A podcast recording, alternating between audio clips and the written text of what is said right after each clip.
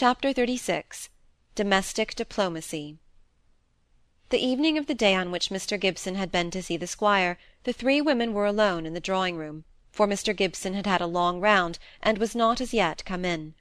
They had had to wait dinner for him, and for some time after his return there was nothing done or said but what related to the necessary business of eating.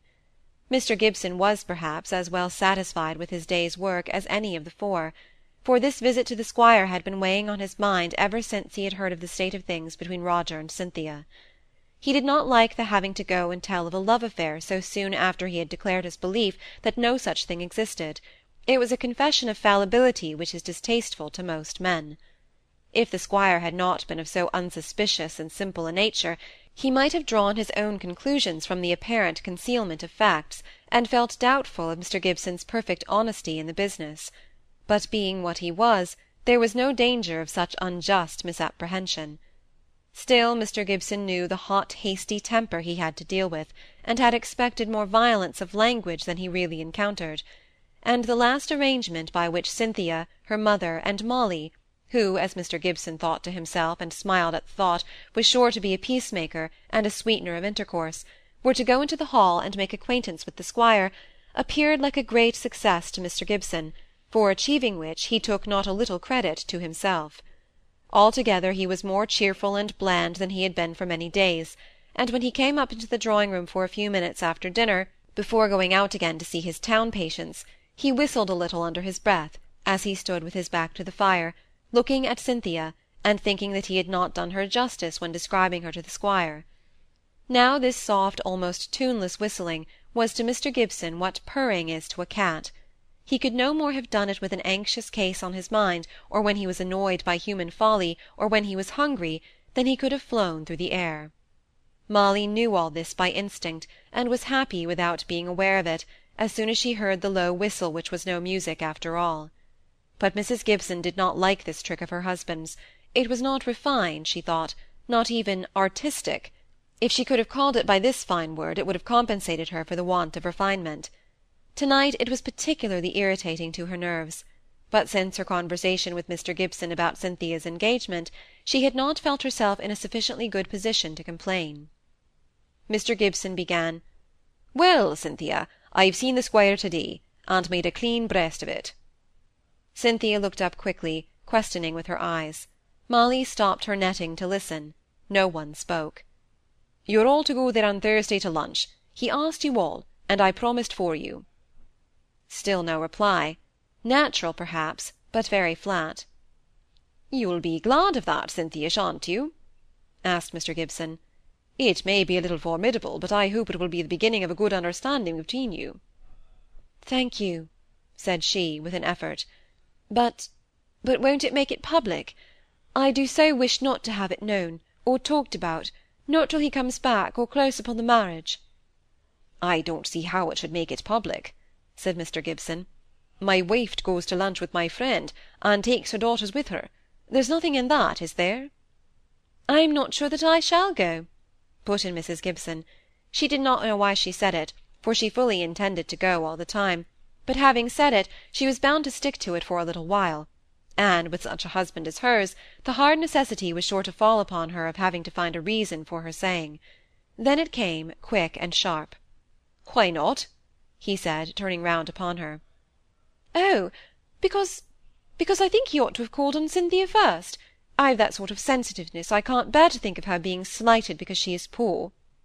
"Nonsense!" said Mr. Gibson. "I do assure you, no slight whatever was intended. He does not wish to speak about the engagement to any one, not even to Osborne. That's your wish too, isn't it, Cynthia?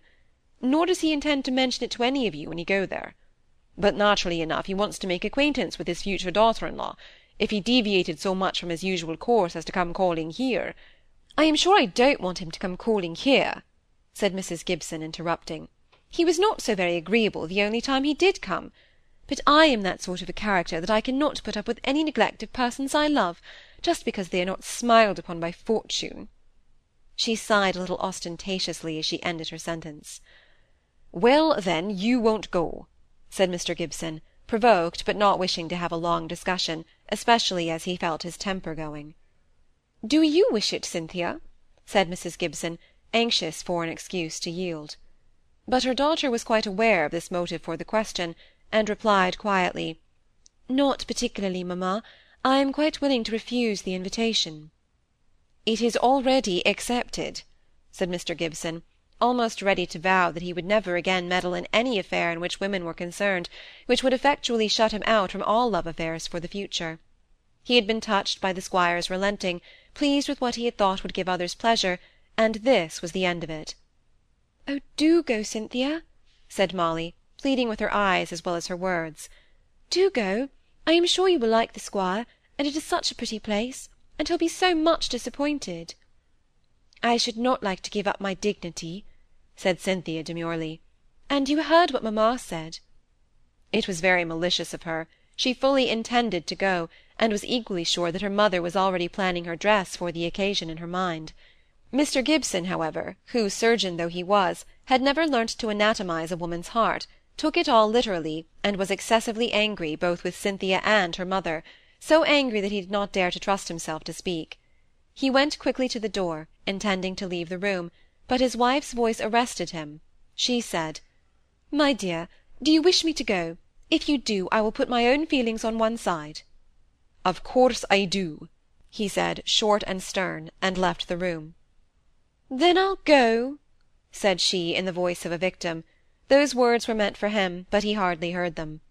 "And we'll have a fly from the George, and get a livery coat for Thomas, which I have long been wanting, only dear Mr Gibson did not like it but on an occasion like this I'm sure he won't mind, and Thomas shall go in the box, and but, mamma, I've my feelings too," said Cynthia. "Nonsense, child, when all is so nicely arranged too." So they went on the day appointed. Mr Gibson was aware of the change of plans, and that they were going after all but he was so much annoyed by the manner in which his wife had received an invitation that appeared to him so much kinder than he had expected from his previous knowledge of the squire, and his wishes on the subject of his son's marriage, that Mrs Gibson heard neither interest nor curiosity expressed by her husband as to the visit itself, or the reception they met with. Cynthia's indifference as to whether the invitation was accepted or not had displeased Mr Gibson. He was not up to her ways with her mother, did not understand how much of this said indifference had been assumed in order to countervent Mrs Gibson's affectation and false sentiment. But for all his annoyance on the subject, he was, in fact, very curious to know how the visit had gone off, and took the first opportunity of being alone with Molly to question her about the lunch of the day before at Hamley Hall. "And so you went to Hamley yesterday after all?" "Yes, I thought you would have come. The squire seemed quite to expect you." "I thought of going there at first but I changed my mind like other people. I don't see why women are to have a monopoly of changeableness. Well, how did it go off? Pleasantly, I suppose, for both your mother and Cynthia were in high spirits last night. Yes, the dear old squire was in his best dress and on his best behaviour, and was so prettily attentive to Cynthia, and she looked so lovely, walking about with him and listening to all his talk about the garden and farm.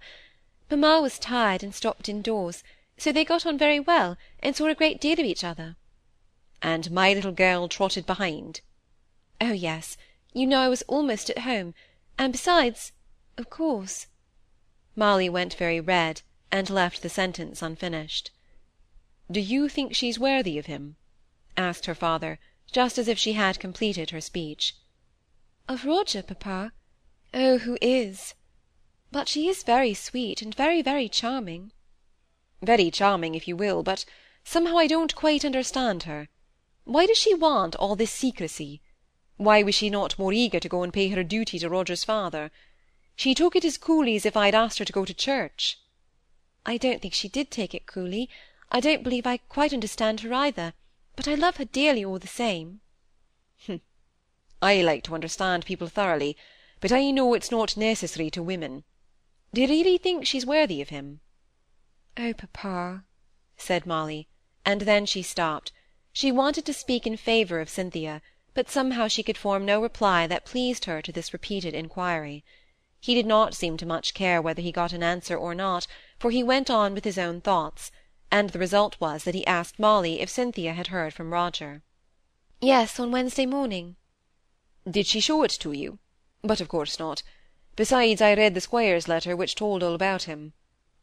Now Cynthia, rather to Molly's surprise, had told her that she might read the letter if she liked, and Molly had shrunk from availing herself of the permission for Roger's sake.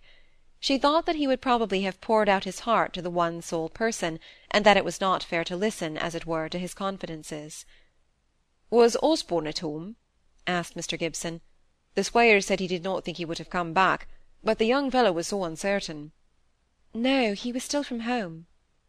Then Molly blushed all over crimson, for it suddenly struck her that Osborne was probably with his wife, that mysterious wife, of whose existence she was cognizant, but of whom she knew so little, and of whom her father knew nothing. Mr. Gibson noticed the blush with anxiety. What did it mean? It was troublesome enough to find that one of the squire's precious sons had fallen in love with the prohibited ranks; and what would not have to be said and done if anything fresh were to come out between Osborne and Molly? He spoke out at once to relieve himself of this new apprehension. Molly, I was taken by surprise by this affair between Cynthia and Roger Hamley. If there's anything more on the tapis, let me know at once, honestly and openly. I know it's an awkward question for you to reply to but I wouldn't ask it unless I had good reasons. He took her hand as he spoke. She looked up at him with clear, truthful eyes, which filled with tears as she spoke. She did not know why the tears came; perhaps it was because she was not as strong as formerly. If you mean that you're afraid that Osborne thinks of me as Roger thinks of Cynthia, papa, you are quite mistaken. Osborne and I are friends and nothing more, and never can be anything more. That's all I can tell you.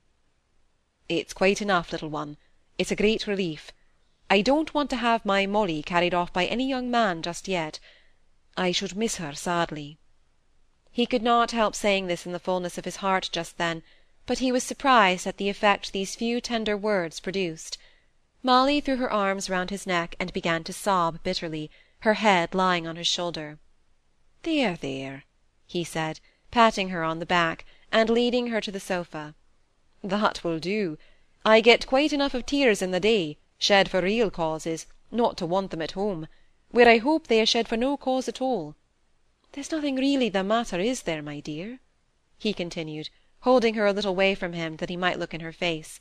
She smiled at him through her tears, and he did not see the look of sadness which returned to her face after he had left her. Nothing, dear, dear papa, nothing now. It is such a comfort to have you all to myself, it makes me happy. Mr. Gibson knew all implied in these words, and felt that there was no effectual help for the state of things which had arisen from his own act. It was better for them both that they should not speak out more fully. So he kissed her, and said, That's right, dear. I can leave you in comfort now, and indeed I've stayed too long already gossiping. Go out and have a walk. Take Cynthia with you if you like. I must be off. Good-bye, little one. His commonplace words acted like an astringent on Molly's relaxed feelings. He intended that they should do so; it was the truest kindness to her; but he walked away from her with a sharp pang at his heart, which he stunned into numbness as soon as he could, by throwing himself violently into the affairs and cares of others.